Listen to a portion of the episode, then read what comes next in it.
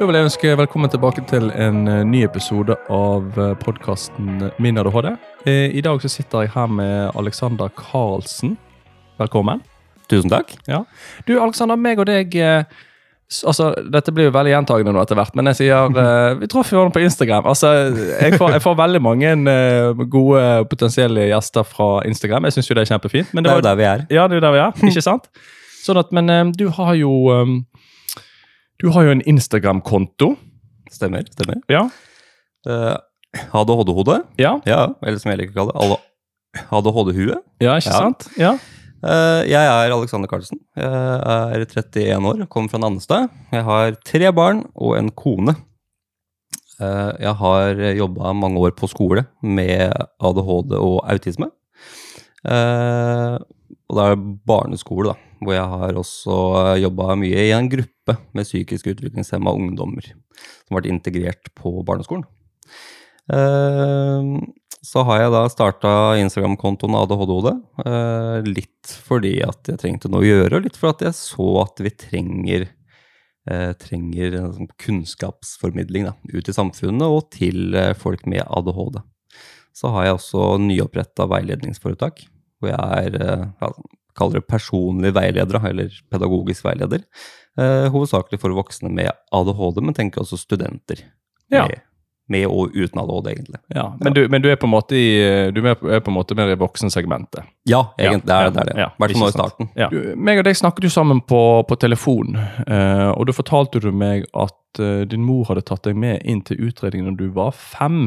Ehm, kan ikke du fortelle meg litt om, eh, om, det, om, om hva som skjedde da med den utredningen her, og ikke minst bakgrunnen for at din mor eh, tok deg med inn? Ja. Eh, Jeg blei tatt med til utredning da jeg var ja, fem år. Jeg var ganske liten. Eh, Og korte historien var at jeg fikk ikke diagnosen på papiret, selv om jeg hadde veldig mange Mange av de traits da, som, som er ved, ved ADHD. For jeg har jo alltid vært veldig aktiv. eh, Og eh, altså jeg husker fra jeg var ganske liten hvor jeg, jeg lå eller satt ikke i sofaen. Jeg lå opp ned med beina opp etter veggen. ikke sant? Eh, og jeg klatra, For å komme opp i sofaen så gikk jeg jo aldri og satt meg helt vanlig. Jeg klatra liksom fra bak og, og holdt på som en apekatt rundt der. Og ja, nå husker jeg jo ikke alt, på en måte, men, men alle de der småtinga der. pluss at jeg sleit litt med å takle motgang. Ja. Og jeg kunne bli Jeg hadde et uh, velutvikla sinne, kan man si. Uh, hvor når jeg møtte motgang, så sleit jeg med å takle det, og så gikk jeg rett fra uh, sorg til fortvilelse til sinne, og det gikk jo veldig, veldig fort. Da. Og mye følelser. Veldig mye følelser, og veldig mye følelser utapå kroppen. Uh, og da er det jo litt sånn at når jeg da etter hvert begynte på skolen, så jeg vet ikke om jeg hadde lært meg strategier eh, eller hva det var for noe, men jeg eh, tok den negative energien ut hjemme. Eh, så da jeg var på skolen, eh, så var jeg på en måte mer eller mindre en normal gutt utad, da. Selv om det spant veldig opp i hodet mitt. Ja, du, du, du, du på en måte holdt det litt på innsiden, du maskerte på en måte, og så når du kom hjem, så var det bare fri flyt. Ja, veldig. veldig. Ja. Da jeg kom hjem da, så var jeg på en måte også veldig sliten. Så jeg klarte kanskje ikke å holde det, holde det inne mer. ikke sant? Eh, og da var det også, ja, ved hver minste lille motgang, da, så var det som å fyre av en plugg. Da Ja. Da var det i gang, egentlig. Eh, så det, men altså fra barneskolealder, da, tidlig, tidlig der, så, så blei jeg alltid tatt godt imot.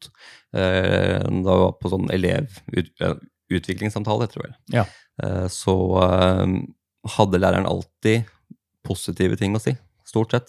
Men jeg husker også spesielt en gang eh, fra mulig første eller andre klasse, kanskje, hvor læreren spurte liksom, hva er det du vil? Hva er det du liker å drive med? Så jeg, men jeg liker å klatre, ikke sant? Jeg liker å klatre på ting. Eh, og det virka som hun, hun da liksom skjønte greia med hvorfor, eller ja, kanskje litt om hun hadde observert det, det veit jeg ikke. Jeg har ikke snakka med henne nå i ettertid heller. Men, men det virka som om hun, det falt litt på plass for, for hun også, kanskje. Ehm, så jeg kom jo fra et hjem med skilte foreldre. Eh, Mm. De skilte seg ganske tidlig, jeg tror jeg var fire år omtrent. Uh, og det, altså det med skilte foreldre, det har på en måte alltid gått helt greit for meg. Eh, I hvert fall som jeg har tenkt sjøl. og jeg har hatt uh, annenhver helg sammen med faren min, da, som bodde i Oslo de første åra. Mm. Grorud, var det vel. og det fram og tilbake der, jeg takla det veldig veldig fint. Og jeg var egentlig veldig glad i å være sammen med faren min også. Uh, men jeg sleit litt da med å takle at jeg hadde fått en stemor. Uh, og det også ga meg ganske mye negativt en periode. Ja. ja. Så det også kom jo til syne, da. Det er helt klart. Um, men altså, jeg var på mange måter da ute blant folk. Uh, en normal unge uh, som var ute og lekte. Jeg hadde en god plass i vennegjengen. Uh, var liksom Vennegjengen var jeg, kanskje en del av flere ven, ven, vennegjenger også, ikke sant? For jeg likte å omgås folk, og jeg likte å holde meg bevegelig, da. Så jeg var litt med de når vi skulle sånn, og litt med den gjengen når vi skulle sånn, og var ganske aktiv med fotball ganske tidlig. Um, men liksom tanken om vennskap, den var veldig rar oppi huet mitt. Uh, for selv om jeg hadde veldig gode relasjoner til de rundt meg og hadde godt vennenettverk, da, vennskapsnettverk, så hadde jeg sånn følelsen av å være annerledes følelsen av at jeg Altså, jeg skjønte ikke helt hvorfor de ville være sammen med meg. Uh, hva jeg tilførte vennegjengen. på en måte, ganske, store tanker for et barn, men uh, ja, Hadde du på en måte et litt sånn negativt syn på deg sjøl, da? Altså? Nei, egentlig nei? ikke det heller. Uh, jeg har alltid vært ganske klar på hvem jeg er. og hva jeg står for, men, men likevel, den der følelsen av å være annerledes og ikke helt skjønne hvorfor jeg er på denne måten når de kanskje ikke er det. Ja. Hvorfor jeg sliter med å holde meg rolig her nå når de koser seg skikkelig. Så du speilet det på en måte litt i, i de andre, da? Ja. ja. ja. Og der kom kanskje litt mer negative tanker inn da, med ja.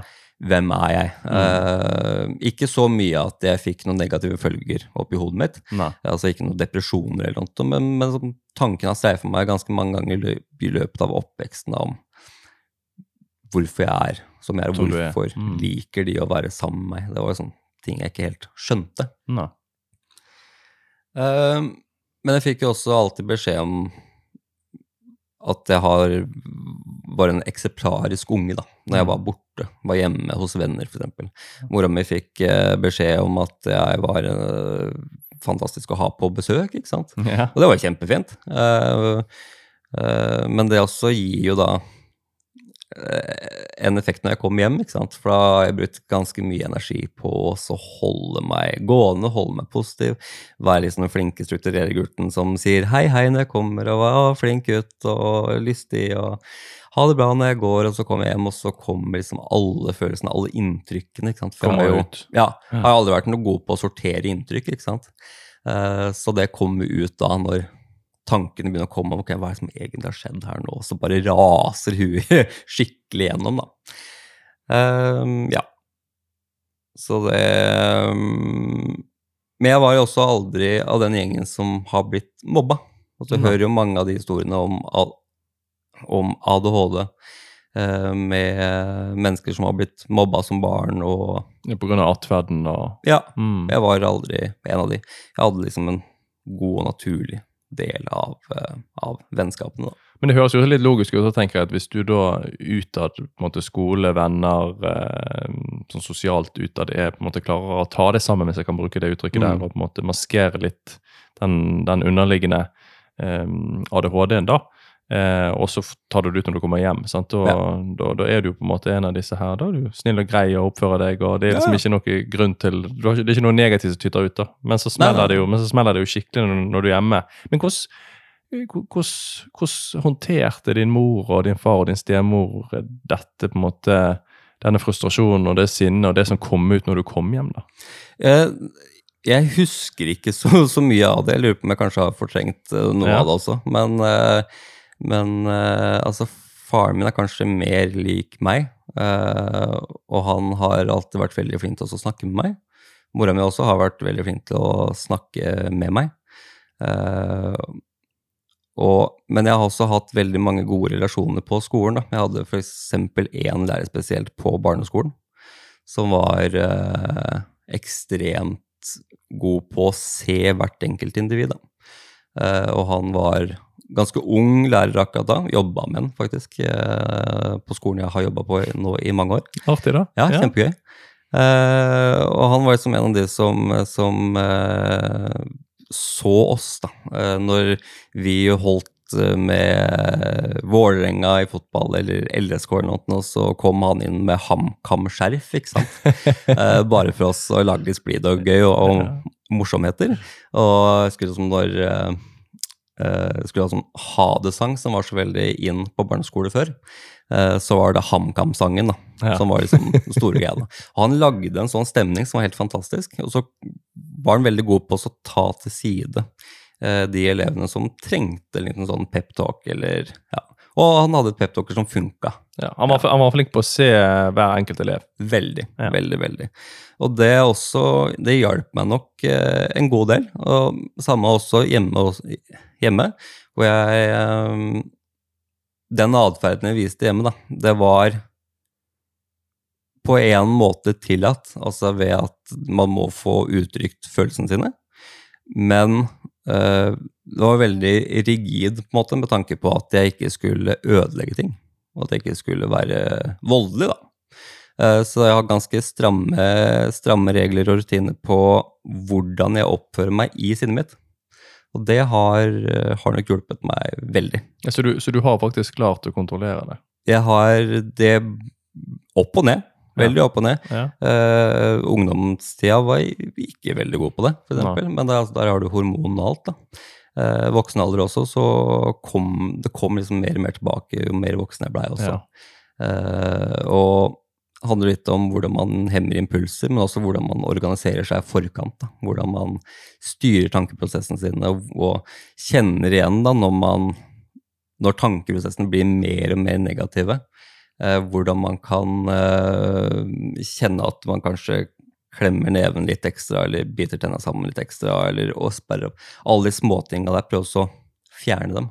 Men du vet, det du beskriver nå, det, det krever jo en ganske høy grad av bevissthet og innsikt i egen, egen tilstand. Ja. Og jeg tenker litt sånn, Det er litt naturlig som du sier, at sant, med tanke på hjernens utvikling, når du da er i tenårene der og du merker at du får mer og mer kontroll på det du blir eldre, fordi at du får en erfaring rundt det, og ikke minst at du er mer bevisst rundt det. Men det, men, men det, det, for, det fordrer jo at man har en veldig høy grad av selvinnsikt. Ja, At man er veldig bevisst på egen atferd, og ikke Ja. minst altså, tankemønster, følelser rundt det her. Så det, Ja, ja. Det, det, det krever ganske mye, det du beskriver, altså. Eh, Ja, og det har vært slitsomt. Ja. Men men jeg, jeg har trua på at man må snakke sammen, da. Eh, Sånn som han læreren jeg snakka om også. Han var god på å ta oss til side, snakke med oss om hva som skjer. Eh, og eksempel min mor har vært god på å sette ord på det. Eh, når jeg har vært sint, så har jeg sagt ja, du er sint. Skikkelig sint akkurat nå. Eh, An anerkjenner følelsene dine. ja, veldig. Og det skaper jo en reaksjon i huet ditt da, hvor du kanskje begynner å tenke litt mer sjøl også på at ja, ja, ja, jeg er det. Mm. Det er helt riktig, det. Og så har jeg på en måte ikke hatt lyst til å være den, den gutten heller, da. For jeg gikk i en klasse med mange barn som var veldig mye. Noen med ADHD og noen uten. Uh, og jeg hadde på en måte ikke lyst til å identifisere meg med det negative bildet samfunnet hadde av ADHD på den tida heller. ikke sant? Nei. Så jeg brukte nok mye mer energi selv om jeg ikke visste at det var diagnosen jeg hadde, Nei. så ville jeg ikke relatere mine holdninger og min atferd til de, om du skjønner. Selv om det blir litt negativt Ja, her nå, da. ja. Men eh, sånn tenkte jeg, da. Så da er nok det også vært mye hjelp i Klart å håndtere eh, livet mitt og sinnet Mm. mitt. Og, ja. Men Alexander, når du snakker om dette med å håndtere følelser, Mm. um, så har du fortalt meg at du har ikke alltid hatt eh, de, de beste mestringsstrategiene på det. Nei, ikke sant. Og det var jo Jeg har jo vært aktiv i fotball. Jeg har jo aldri vært supergod, men jeg har aldri vært ræva dårlig. Er det lov å banne? Vær så god. Ok, jeg har aldri vært ræva heller, på en måte. Eh, og så kom jeg liksom opp i ungdomsskolen, eh, hvor skole, det blei for vanskelig. Eh, jeg klarte ikke å henge med i mange fag. Jeg var veldig god på praktiske fag. Eh, men de faga jeg ikke klarte å henge på, det blei så negativt for meg at jeg Oppi huet mitt altså mer eller mindre slutta jeg på skolen, ikke sant. Uh, og dette gikk jo gradvis, da. Uh, fra sein barneskole oppover i ungdomsskolen. Uh, og jeg blei introdusert for flere folk. Jeg begynte å spille band. rockeband, faktisk. Men på sida der også så var det som den negative følelsen til meg sjøl. Og her begynte jeg kanskje også å utvikle litt tegn på Altså, jeg, det var nok ikke en depresjon, men forgjengeren til depresjon, Dep- kanskje. dep- Depressive tegn, da. Ja, Ja. ja. det var det. Uh, hvor jeg da begynte liksom å henge på røykehjørnet, begynte å røyke litt. Uh, og uh, kjenne at det var en ganske god følelse, som stimulerte ganske mye oppi huet mitt. Eh, og det med å eh, spille musikk også, det hjalp meg veldig. Eh, fikk også min aller, aller beste venn her i livet gjennom musikk. Men det som liksom var gjengangeren, var at jeg sleit på skolen. Uh, Oppi hodet mitt så var jeg ikke klar for ungdomslivet, egentlig. Altså den derre ungdomsskolebiten hvor du skal være flink faglig, du skal være flink sosialt. Eh, for selv om jeg har hatt et veldig godt sosialt nettverk, så har jeg ikke vært sosialt god. Jeg er jo ikke flink jeg har vært. Jeg har håndtert det på min måte eh, som vi snakka om i stad også, som ga mye negativt, ikke sant. Men så begynte jeg liksom også å få liksom de, de uh, ungdomsskole, ungdomsholdningene. Eh, og alle de mentale prosessene som skjer i ungdomsskolen, Uh, hvor man blir veldig eh, får, får veldig mange tanker om identitet og hvem man er, da. Eh, og her eh, begynte jeg liksom å prøve å finne ut av hvem jeg var. Eh, sleit litt med å finne ut av hvem jeg var. Er jeg gutten som sliter med konsentrasjonen? Er jeg gutten som har vært flink i fotball én gang? Er jeg gutten som er veldig glad i musikk? Eh, er, jeg, er jeg røykeren? Altså, er vi der, da? Liten sånn identitetskrise. Ja, ja, veldig. Ja, ganske stor, egentlig. Eh, på mange måter. Altså, ungdomstida er jo ikke snill mot noen. Eh, og ja, jeg takla nok det litt dårlig. Så det Etter hvert som jeg begynte å henge mer med de som røyka mer, og de som hang med Hva skal jeg si? Hang med folk som ikke nødvendigvis er veldig bra, bra for meg, da. Eh, Med min dårlige impulskontroll og eh, ja, så blei det jo til at jeg toucha innom rus. eh, og hadde en liten historie der. som resulterte i at jeg fikk veldig mye erfaring med livet, da. Egentlig på godt og vondt. Jeg vil på en måte ikke være uten det heller, for det er jo danna hvem jeg er, da.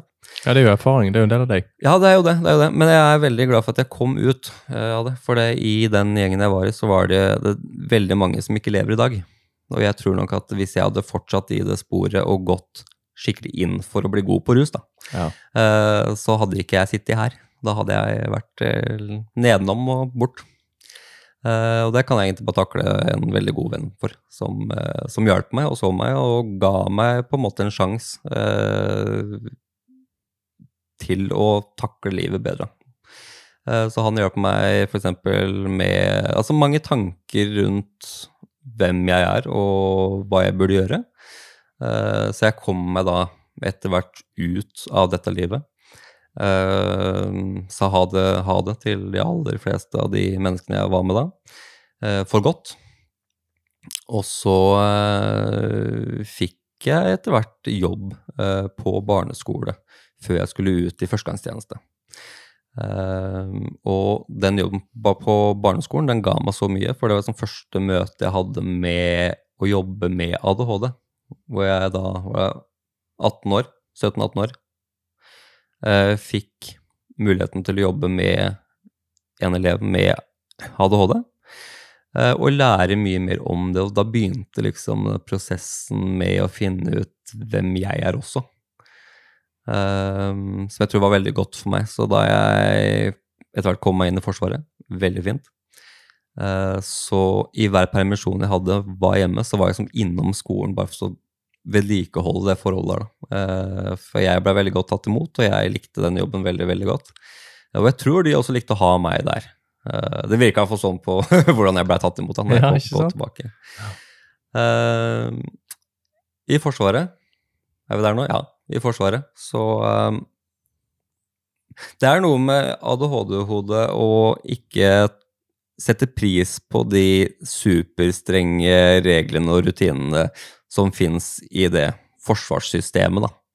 Men som vi allikevel har veldig godt av.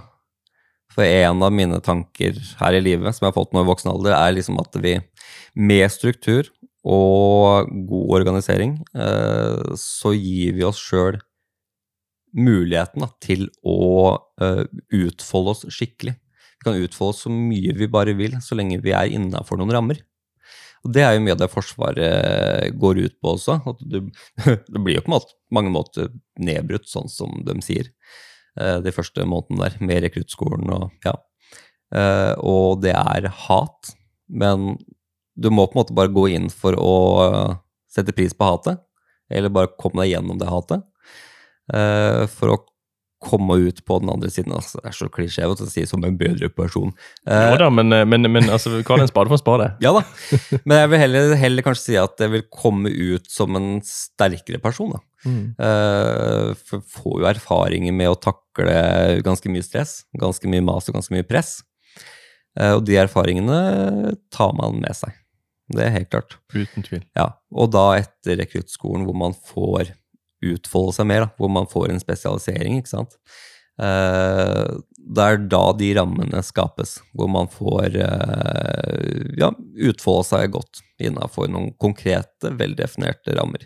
Det har jeg satt veldig pris på ved Forsvaret, som har lært meg at det er mulig. Eh, ja, og at jeg må liksom gå igjennom livet, sette rutiner, eh, og eh, lære at hat kan være fint, da, Mm. på mange måter. Og så, tenker jeg litt sånn, for det, dette her har jo vi vi har diskutert det litt før i noen episoder i, i sesong én, blant Mm. med ADHD Norge. fordi at Forsvaret, de har jo, Både Forsvaret og politi- Politihøgskolen har jo vært eh, Hva skal vi si at Hvis man har en offisiell ADHD-diagnose Mm. og, og, og hva skal vi si, er åpen med denne inn i en søknadsprosess, Ja.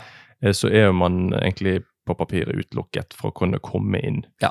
Em, og det er jo noe ADHD Norge jobber med. Men jeg tenker det er litt sånn eh, som vi sa litt sånn flåsete i den episoden, sånn, jeg tipper det er eh, jævlig mange i både Forsvaret og kanskje politiet også, men spesielt Forsvaret, som faktisk eh, har ADHD, enten Ja, det de har det eller, ikke. sant? Og her har vi bare nok et eksempel. Så jeg Ja, ja. tenker liksom um, det, altså, Du blir ikke en dårlig, dårlig soldat eller en potensiell sikkerhetsrisiko ved at du har ADHD. Du blir så. kanskje tvert imot, Ja, sant? ja, men det er nettopp det. Så tenker jeg at, som du sier, at Forsvaret har jo em, gitt egentlig veldig mye positivt. sant? Det er litt at Ja, jeg vil si utelukkende positivt. Ja, altså. sant. Det, selv om man går gjennom situasjoner der hvor det er tøft, og det er mm. hardt, og det er man hater hvert eneste sekund av det, så kommer man liksom ut av det med Man har en større styrke da, Mm. til å takle livet generelt. altså. Men, men jeg, vil bare, jeg, vil bare, jeg har bare lyst til å ta en parallell. fordi at eh, jeg tenker litt sånn, Du har vært i Forsvaret, og du, Mm. har- du har fått mye av den positive ting, så du har fått mange positive ting du kan ta med deg videre ut i, i, i i hverdagslivet ditt og Ja. bruke videre. Mens jeg fikk det gjennom toppidretten. sant? Ikke sant? Du kan, du kan si det, det er litt sånn samme måte. altså Du, du er avhengig av struktur, du er avhengig av å Ja, ja. Du har et rammeverk, du må gjøre jobben, og sånn og sånn. Og alt dette har jeg tatt med meg videre, og bruker til og med den dag i dag og merker liksom at jeg er evig takknemlig for det. Så, Ja. så, så jeg, jeg, altså Vi med ADHD vi kan gjerne liksom være litt sånn all over the place og litt flytende. men altså, og Det kan se ut som vi kanskje ikke, ikke liker rammer, men egentlig innerst inne så er jeg helt sikker på at alle med ADHD Fungerer bedre med det, i hvert fall. Ja, ja uten tvil. Ja, ja, det er helt klart. Og dette ser jeg også på skolen jeg har jobba på. Jeg har jobba på skole som barndomsarbeider og som lærling også, da. Jeg nærmer seg 13 år. Eh, Såpass, ja? ja da. Voksen mann, vet du. Ja. St st stor gutt. ja. Nei, men eh, jeg tok med meg dette her videre i denne jobben, for jeg har jobba med barn med spesielle behov. Da. Så jeg har jobba spesielt med autistiske mm, mennesker eh, i forskjellige former og størrelser. Eh, men også barn med ADHD. Og jeg har liksom tatt med meg at når vi har noen rammer og regler som er enkle, tydelige, så kan man også utfolde seg ganske mye. Og det tenker jeg gir ADHD-huet eh, større muligheter. At man får eh, Man trenger ikke å begrense seg hele tida. Men så lenge man liksom vet at her går grensa til læreren, her går grensa til eh, samfunnsøkonomiske i klassen, så kan man utfolde seg inni det. Mm. Eh, og da bygger man opp en verden hvor man satser mer på fungering eh, enn at eh, man har uro, tenker jeg. Mm. Ja. Ja, det er litt sånn som du sier, at det, man tenker sånn, å, rammer og sånn og sånn, og, og da, da, det, da tenker man kanskje at det kan være begrensende. Men det er som du sier, hvis man tilrettelegger innenfor de rammene, Helt klart. da har man mulighet til å utfolde seg. Helt sant? klart. Men der er vi også avhengig av at lærerne og skoleverket også tilrettelegger innenfor rammene, at ikke det blir for firkantet og for rigid. For det er jo da du, det er da du hva skal vi si, i, dagens skole kanskje en, for, en, altså ser det enda tydeligere at det er ADHD. For Ja. det, det tyter jo ut av alle disse rammene. sant? Men Ja. hvis man faktisk kan tilrettelegge det mer internt der, Mm. da begynner vi å snakke. Helt klart. Og jeg tenker med nye altså Kunnskapsløftet som er i skolen også, eh, hvor man har fokus på mer dybdelæring. Eh, man har ikke fokus på at man skal sitte på pulten, på pulten, ved pulten, På pulten, ja. Ja. Det kjenner jeg meg igjen i. eller under. Ja. Eller, eller, eller at du hiver pulten. Det har jo skjedd. Ja, ja. Stol og pult og alt. Nei, men, men at man um, har fokus på at man skal lære noe da, gjennom et tema. At man skal gå litt i dybden i uh, hva det handler om. Eh, så har man også muligheten til å kunne drive mer undervisning ute. Man kan drive mer undervisning eh, gjennom PC. eh, og man kan bruke elevenes styrker på en litt annen måte. Da. For da kan man gå gjennom prosesser hvor man istedenfor å lære at sånn her er det, sånn fungerer det, jeg kan forklare deg hvorfor, kanskje, så får man sånn her, eh, en tankegang om at eh, hva kan du som, eh, som barn, som, som elev, hva er det du kan om dette her? Og så skal vi bygge på det. Ja. Er? Så bruker jeg deg, Rita, som sitter der, til å forklare én ting, ditt perspektiv av hva du tenker om et emne, og så prøver jeg deg også, Jarle, borti det hjørnet, som kan forklare sin, og så kan vi prøve å kombinere disse for en større og bedre forståelse. Og dette kan jo gjøres gjennom PC, dette kan gjøres på veldig mange typer foraer.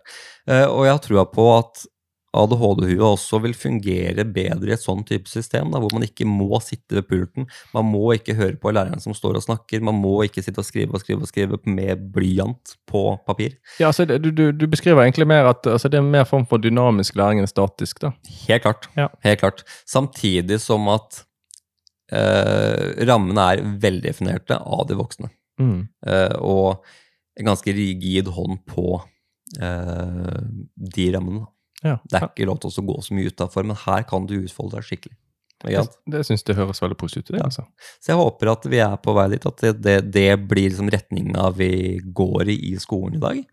Uh, det har jeg virkelig tro på. Skikkelig. Mm. Ja. Ja, jeg, er helt enig med deg. jeg er helt enig med deg.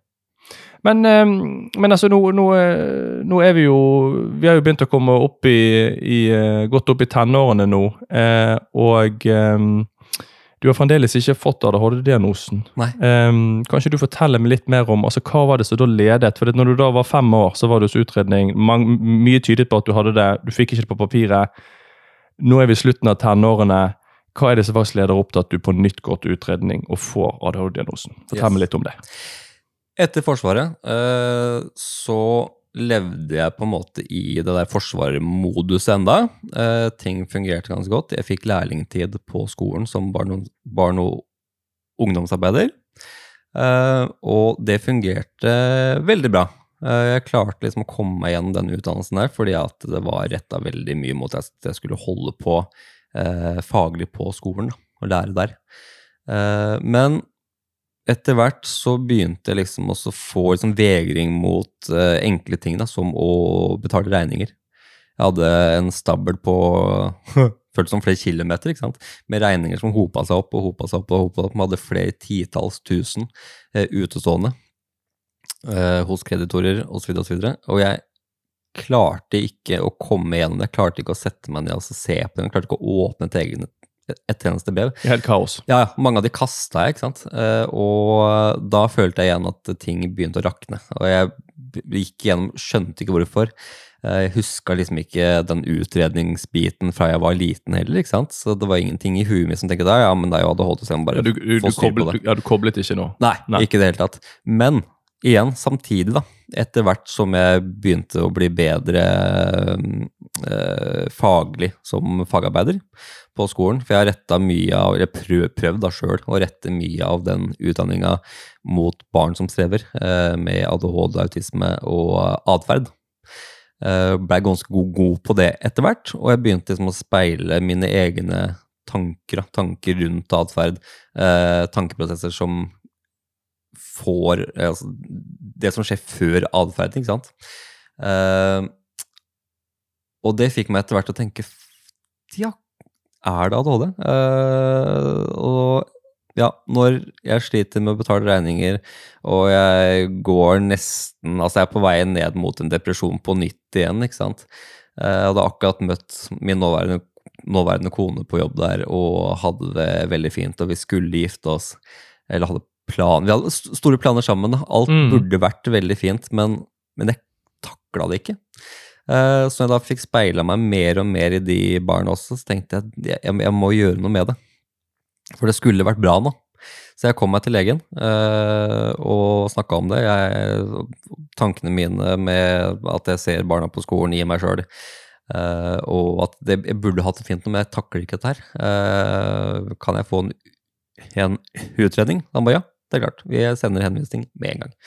Eh, jeg hadde da da med til legen så hadde jeg den der eh, spørreundersøkelsen man kan ta, ta sjøl, da. Og jeg krysser jo av på Check, check, check, check. ja, check. ja, ja, ja. Rett igjen. Det er bare å kjøre på. Ja, ja, ja, ja. ja. Ehm, så da når jeg kom inn til utredning på DPS, uh, så var det egentlig ganske god og kort prosess. Jeg husker liksom ikke alt som skjedde der, men vi hadde veldig mye samtaler. Eh, og hun kryssa av på skjemaer ut ifra hvilke samtaler vi hadde. Så hadde jeg én test, det var ganske artig egentlig, på eh, PC. Jeg tror det var eh, Om det var reaksjonstid, om det var uh, evnen til å fokusere, altså alle de tinga der, som eh, de, de testa. Jeg skulle i hvert fall sitte ved PC, og så skulle jeg utføre noen handlinger ut ifra hva som skjedde på den PC-en. Veldig enkelt og veldig greit. Det de hadde gjort, da, det var det at de hadde satt den PC-en ved siden av et, vindu, og vinduet det pekte ut mot en, en sånn skogholt, eller hva det var for noe, og der satt en katt. Ja, Så den oppgaven ble jo ikke gjort. Nei. Nei. Uh, ja, egentlig veldig, veldig god beskrivelse på at det, det, det blei en diagnose, ja. Mhm. Ikke noe å utsette på det. Så jeg spurte liksom der, hvor er det dette går hen? Jeg trenger hjelp, liksom. Jeg begynte å bli nervøs på Har jeg tenkt feil? Uh, det hadde jeg ikke. I det hele tatt. Uh, ja. Så jeg kom meg liksom uh, gjennom hele den der, fikk diagnosen. Eh, og så skulle jeg da til er, jeg, mener det er psykiater, altså. I hvert fall lege. men- Ja, altså, psy- Psykiater det er de som eh, skriver ut medisin og den ja, slags. da var det psykiateren. Uh, hvor jeg egentlig bare hadde kort uh, samtale. Uh, han tok litt sånn blodtrykk og ja, Ja, standard. ja, Mm. ja. Så fikk jeg Ritalin, hvor jeg skulle begynne med 10 mg. Etter en uke skal jeg øke og øke og øke. da.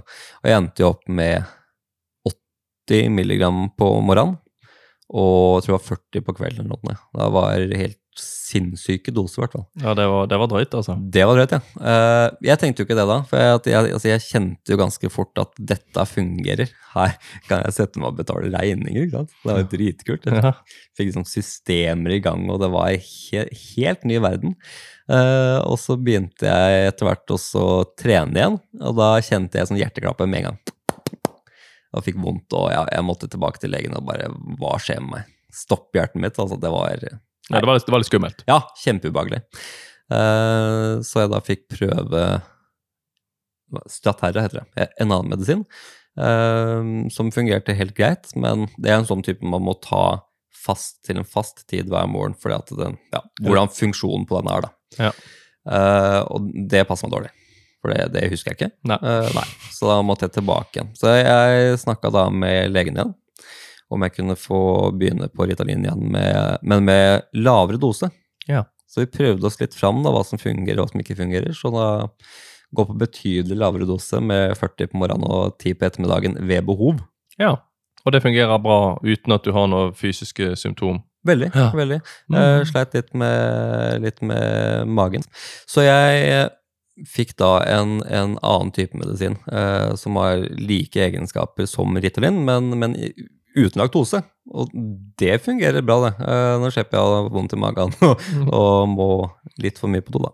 Enkel, enkel løsning på et stort problem. Veldig, veldig, og det syns jeg er eh, veldig ålreit. Å kunne ha medisinen som fungerer for meg, da. Men en jeg lurer litt på, altså Medisin har du fått, eh, det har du opplevd god effekt med. Mm. Eh, Regner med du fremdeles går på det den dag i dag? Det gjør jeg. Ja. Har du, fikk du noe tilbud om, om annen type behandling? Altså samtaleterapi? Eh, Nei. In, ingen sånn type ting? Psykoedukasjon? Nei. Nei. Det som var at da gjennom utredninga så titta jeg veldig mye på nettet. Eh, hva som skjer ved en utredning og etterpå og sånt. Og da sto det at man eh, kan få tilbud om psykoedukasjon. Eh, tilbud om videre oppfølging av psykologer. Da. Eh, og det skjedde jo ikke. Jeg fikk Ritalin. Det fungerte, yes. Da er det bare ha det bra, lykke til. Og så er jeg jo da meg sjøl som bare går rundt, tenker jeg. Da har jeg fått Ritalin, så da er det det som er greia. Herlig. Men, men jeg må- kan bare spørre, altså Opplever du at du Altså at du er i behov av noe? Altså, det virker jo som du har ganske grei koll på hverdagen. Det virker som du har ganske god innsikt, du er klar over eh, egen atferd. og eh, Nå går du på medisin og bruker det. Er det, er det noe du savner? Hva da? Altså I form av behandling, tilbud? Er det, er det på en måte oh, ja, sånn ja. ja. Det er det egentlig. Fordi at da jeg var si 21, når jeg fikk den eh, diagnosen, eh, da kunne jo ikke jeg alt jeg kan i dag. For den, altså, den kunnskapen jeg har i dag, den kommer jo av ti år med en diagnose. Ti år i jobb med barn med lignende symptomer også. Eh, ti år, altså nei, ikke ti år, men flere år med høyere utdanning. Eh, og eh, lærlingløp som fagarbeider. Eh, jeg hadde ikke det da. Så jeg savna jeg, vet ikke om jeg savna det, men jeg ser nå i ettertid at det skulle jeg hatt. For da hadde jeg kanskje hatt enda mer forståelse om hvorfor jeg er som jeg er. da. Kanskje jeg også kunne få enda til, enda bedre hjelp til å få kontroll på økonomien, ikke bare få til litt og litt. Det savna jeg, og det har jeg også sett mye i ettertid. Uh, vært medlem, eller er medlem av flere uh, Facebook-sider som handler om ADHD. uh, hvor det er veldig mange som savner den biten etterpå. At det er, det er liksom no, no, noe som mangler. At man får ja, De fleste får Ritalin, og så er det ha det bra. Ja. Eh, Noen får også god hjelp etterpå, eh, om det er fra kommunen eller staten. Altså, Men, det, men det er for vilkårlig. Det er litt sånn eh, Hvor i landet er du? Eh, Hva type behandler er du tilgjengelig? Er det noen som brenner for det her? Altså, det, det, det, er, ikke, det er ikke standardisert. Eller, eller, eller for å si det sånn det er standardisert at du får medisin. det er det. Ja. det er det. Og det er ikke godt nok tilbud. Nei. For jeg tenker at det er jo mange som fungerer godt på medisin, mange som ikke liker å ta medisiner. Eh, Det er mange som eh, kanskje har gått på feil medisin uten å være helt klar over også. Så det er veldig mange grunner til at medisin ikke burde være den eneste virkemidlet. Man ser på fysisk aktivitet også, hvordan det kan påvirke hjernen. Eh, og egentlig bare lære mer om hva diagnosen innebærer. Ja, altså det, det, som, det som Espen, eh, Espen Anker eh, sa i den episoden vi hadde i sesong 1, liksom, altså Mm. psykoedukasjon. Ja. sant? Det er jo altså det rett og slett å få informasjon om, om din egen tilstand og, og lære den å kjenne. Jeg, jeg tenker jo at det er noe av det aller, aller, aller viktigste. Eh. Fordi at det vil jo bidra til at man blir mer bevisst, får mer innsikt, eh, får kanskje noen små redskaper oppe i verktøykassen sin som gjør at du faktisk kan ta litt mer kontroll sjøl. Og så må vi oppå der drysse med litt medisin hvis det fungerer for deg, Ja, ja. litt fysisk aktivitet, eh, se litt på kostholdet ditt, osv., osv. sant? Så, eh, og- Men alle, og alle de tingene jeg nettopp nevnte, de er jo enklere å ta tak i hvis du har god nok informasjon om dette. Det er noe med det. Det er også mye derfor jeg starta Instagram-kontoen ADHD-hode. Ja, men Fortell meg litt mer om det. For å kunne spre informasjon da, om hva ADHD er. Eh, Og ikke bare ADHD, altså det er jo veldig mange diagnoser og ikke-diagnoser som, som har mange av de samme symptomene. Men hva er det som skjer? Får For man går altså, til en utredning, og så får man med, med, medisiner, så får man på en måte med seg at nei, det er eksekutive funksjoner du sliter med. Og tenker ja, fett, det er eksekutive funksjoner. Så har man kanskje ikke helt et godt bilde av hva det vil si. Eh, mange tenker at ja, hyperaktivitet, og så klarer ikke å organisere. Og, ja. Men så har man kanskje ikke den forståelsen når man ser da at en av eh, funksjonene er organisering. Tenker at ja, nei, da må jeg begynne å rydde hjemme, da. Uh, og holde det reint, og det er jo fryktelig vanskelig, så jeg ikke. Men organisering i seg sjøl, det handler jo også om våre mentale prosesser, ikke sant. Hvordan vi styrer tankegangen, uh, hvordan vi kan hjelpe både følelser, tanker og atferd i forkant av situasjoner, i situasjoner og i etterkant av situasjoner. Uh, dette her er sånne ting som folk flest ikke kan. Uh, og jeg ser en tendens til at det er veldig mange som syns det er ålreit å få vite om det også. Uh, så i ADHD-hodet så har jeg prøvd å ta alle de tinga som danner diagnosebildet, uh, og dele det opp. rive det litt i fillebiter, og se på alle de småtinga som skjer. da. Gjøre det forklarlig og enkelt for hvermannsen i gata. Det er litt back to basics. Ja, egentlig. Vi trenger oppmerksomhet rundt uh, det jeg kaller for de tre kjerneelementene i ADHD. Det er oppmerksomhet, hyperaktivitet og Jeg glemmer alltid denne siste her. Uh, impulsivitet. Impulsivitet. Tusen takk. Vær så god. uh, ADHD-hjernen i praksis her. og i de tre, tre, de tre, de tre um, kjerneelementene der, så ligger altså eh, de eksekutive funksjonene og lurer. Eh, og det er jo sånn at de eksekutive funksjonene, de danner eh, kognitive prosessene vi har. Hvordan vi lærer, hvordan vi oppfører oss, og hvordan vi tenker om livet generelt. Eh, og den kunnskapen, den får ikke folk eh, flest. Den man kan ikke bare gå rundt og tenke seg til det. Dette er jo ting som vi har studert ganske inngående for å ha kunnskap om. Um, og jeg vil prøve å gjøre mitt beste for å gi ut så mye som mulig av den informasjonen, sånn at folk også kan uh, lære seg mer om hva det vil si å ha ADHD, for å kunne bruke det til å lage seg noe verktøy. La, eh, lage mm. noen mestringsstrategier ut ifra en helhet, istedenfor at man eh, tenker på hyperaktivitet som at ja, nå var jeg skikkelig hyper, nå må jeg bare roe meg ned. Mm. For det funker ikke i lengden. Nei, og, og det er liksom man, man, Det som du sier, at her har du overskriftene her oppe. Mm. Og det kan folk se sånn ok, greit, autoritet og eksekutive funksjoner og sånn. Ja, ok, det er litt sånn. Men så du sier, så må du bate basic, dra det litt ned på dette detaljnivået og eksemplifisere det for at man faktisk skal Å ja, men det er jo når jeg gjør sånn eller sånn, eller lar være å gjøre det. Å ja, og Da får man mye bedre forståelse for det. ikke sant? Men jeg tenker litt, Du snakker om eh, ADHD-hodet som er Instagram-kontoen din, hvor du på en måte prøver å spre informasjon ut til folk. Ja.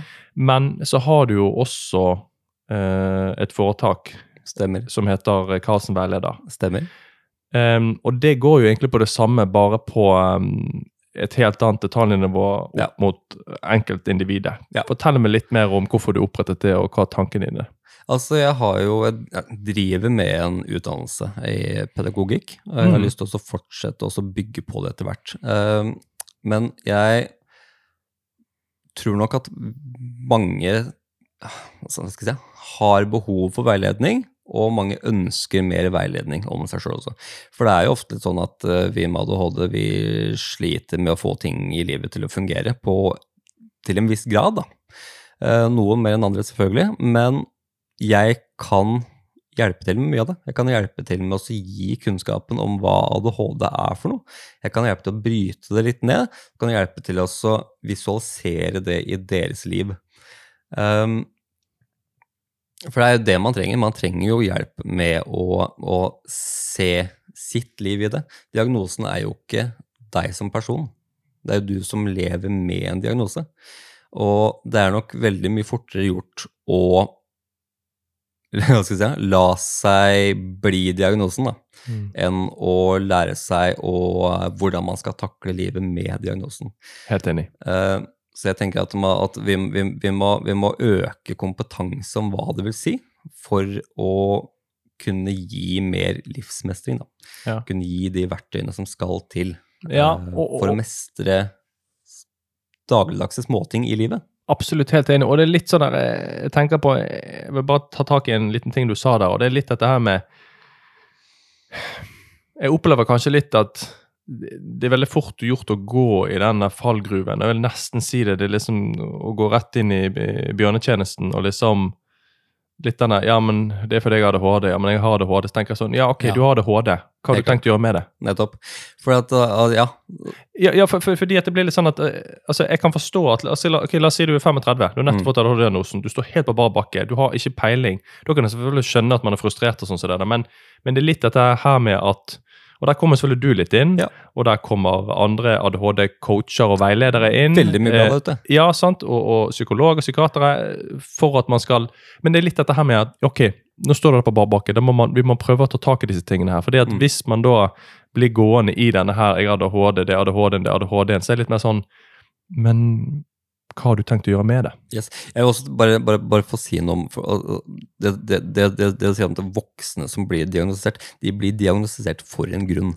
De Mm. kommer jo til legen sin fordi at de sliter ofte, da. Sliter det- ja, de- takle de- de- en del ja, av livet. Det Ikke er sant? ikke fordi at livet går som en drøm. Nei, nei, det er jo ikke det. Og da er det jo ikke bare sånn at Nei, du, ta litt, av den, så er det bra. Det, er- det, det er ikke sånn det fungerer. Og der tenker jeg at jeg kan komme inn og hjelpe til.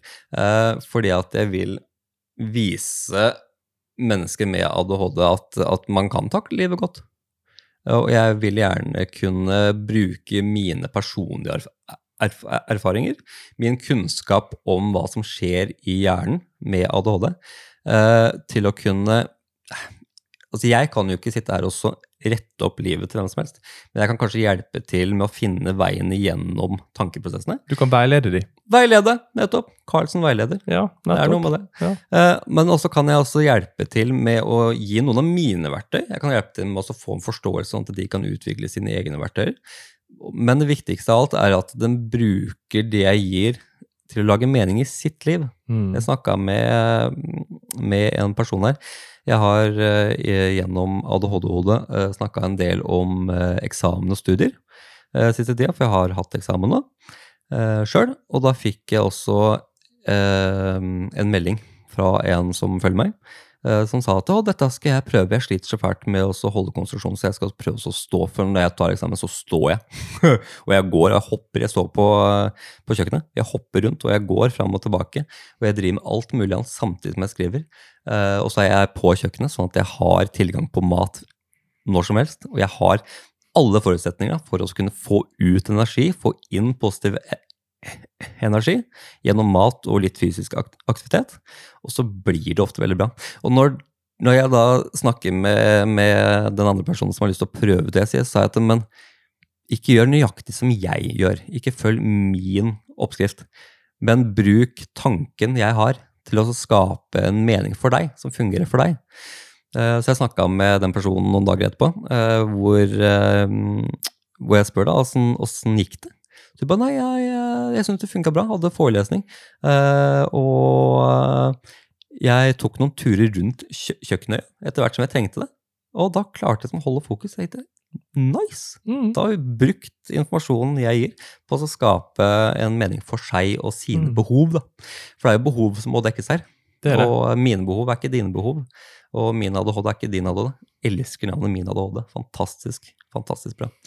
Altså, Jeg kunne ikke vært mer enig i på en måte det du sier. og Det er litt sånn som det her jeg sa i sted, med at, liksom, at altså, hva du tenkt å gjøre med det. fordi at jeg tenker at um, selv om man kanskje er på et bunnivå og man, man, man, man føler at livet virkelig går imot, og så har man fått en ADHD-diagnose og, og Mm. alt er liksom bare kaos, så tenker jeg at man er likevel ansvarlig litt for å ta tak i ting sjøl, selv, selv om kanskje ikke det offentlige har vært til stede og hjulpet deg. så Et eller annet sted må du begynne sjøl. Sånn, begynn kanskje på et lavt nivå. altså Bare begynn å ta tak i noe. altså hva, og liksom, hva er det du ønsker å gjøre med det? Og jeg tenker på, Du hadde et veldig fint eh, innlegg her på, um, på Karlsen veileder, hvor du Ja. skriver liksom ved å lære om de tre store, oppmerksomhet, impulsivitet og hyperaktivitet, blir det kanskje etter hvert lettere å se hvem du er, og ikke hva du er.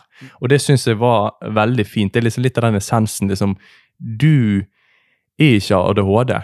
Du er Jonny eller Petra eller Tommy eller hvem det måtte være, og så har du ADHD-diagnose. Nettopp. Ok, men, men, men, men det definerer ikke deg.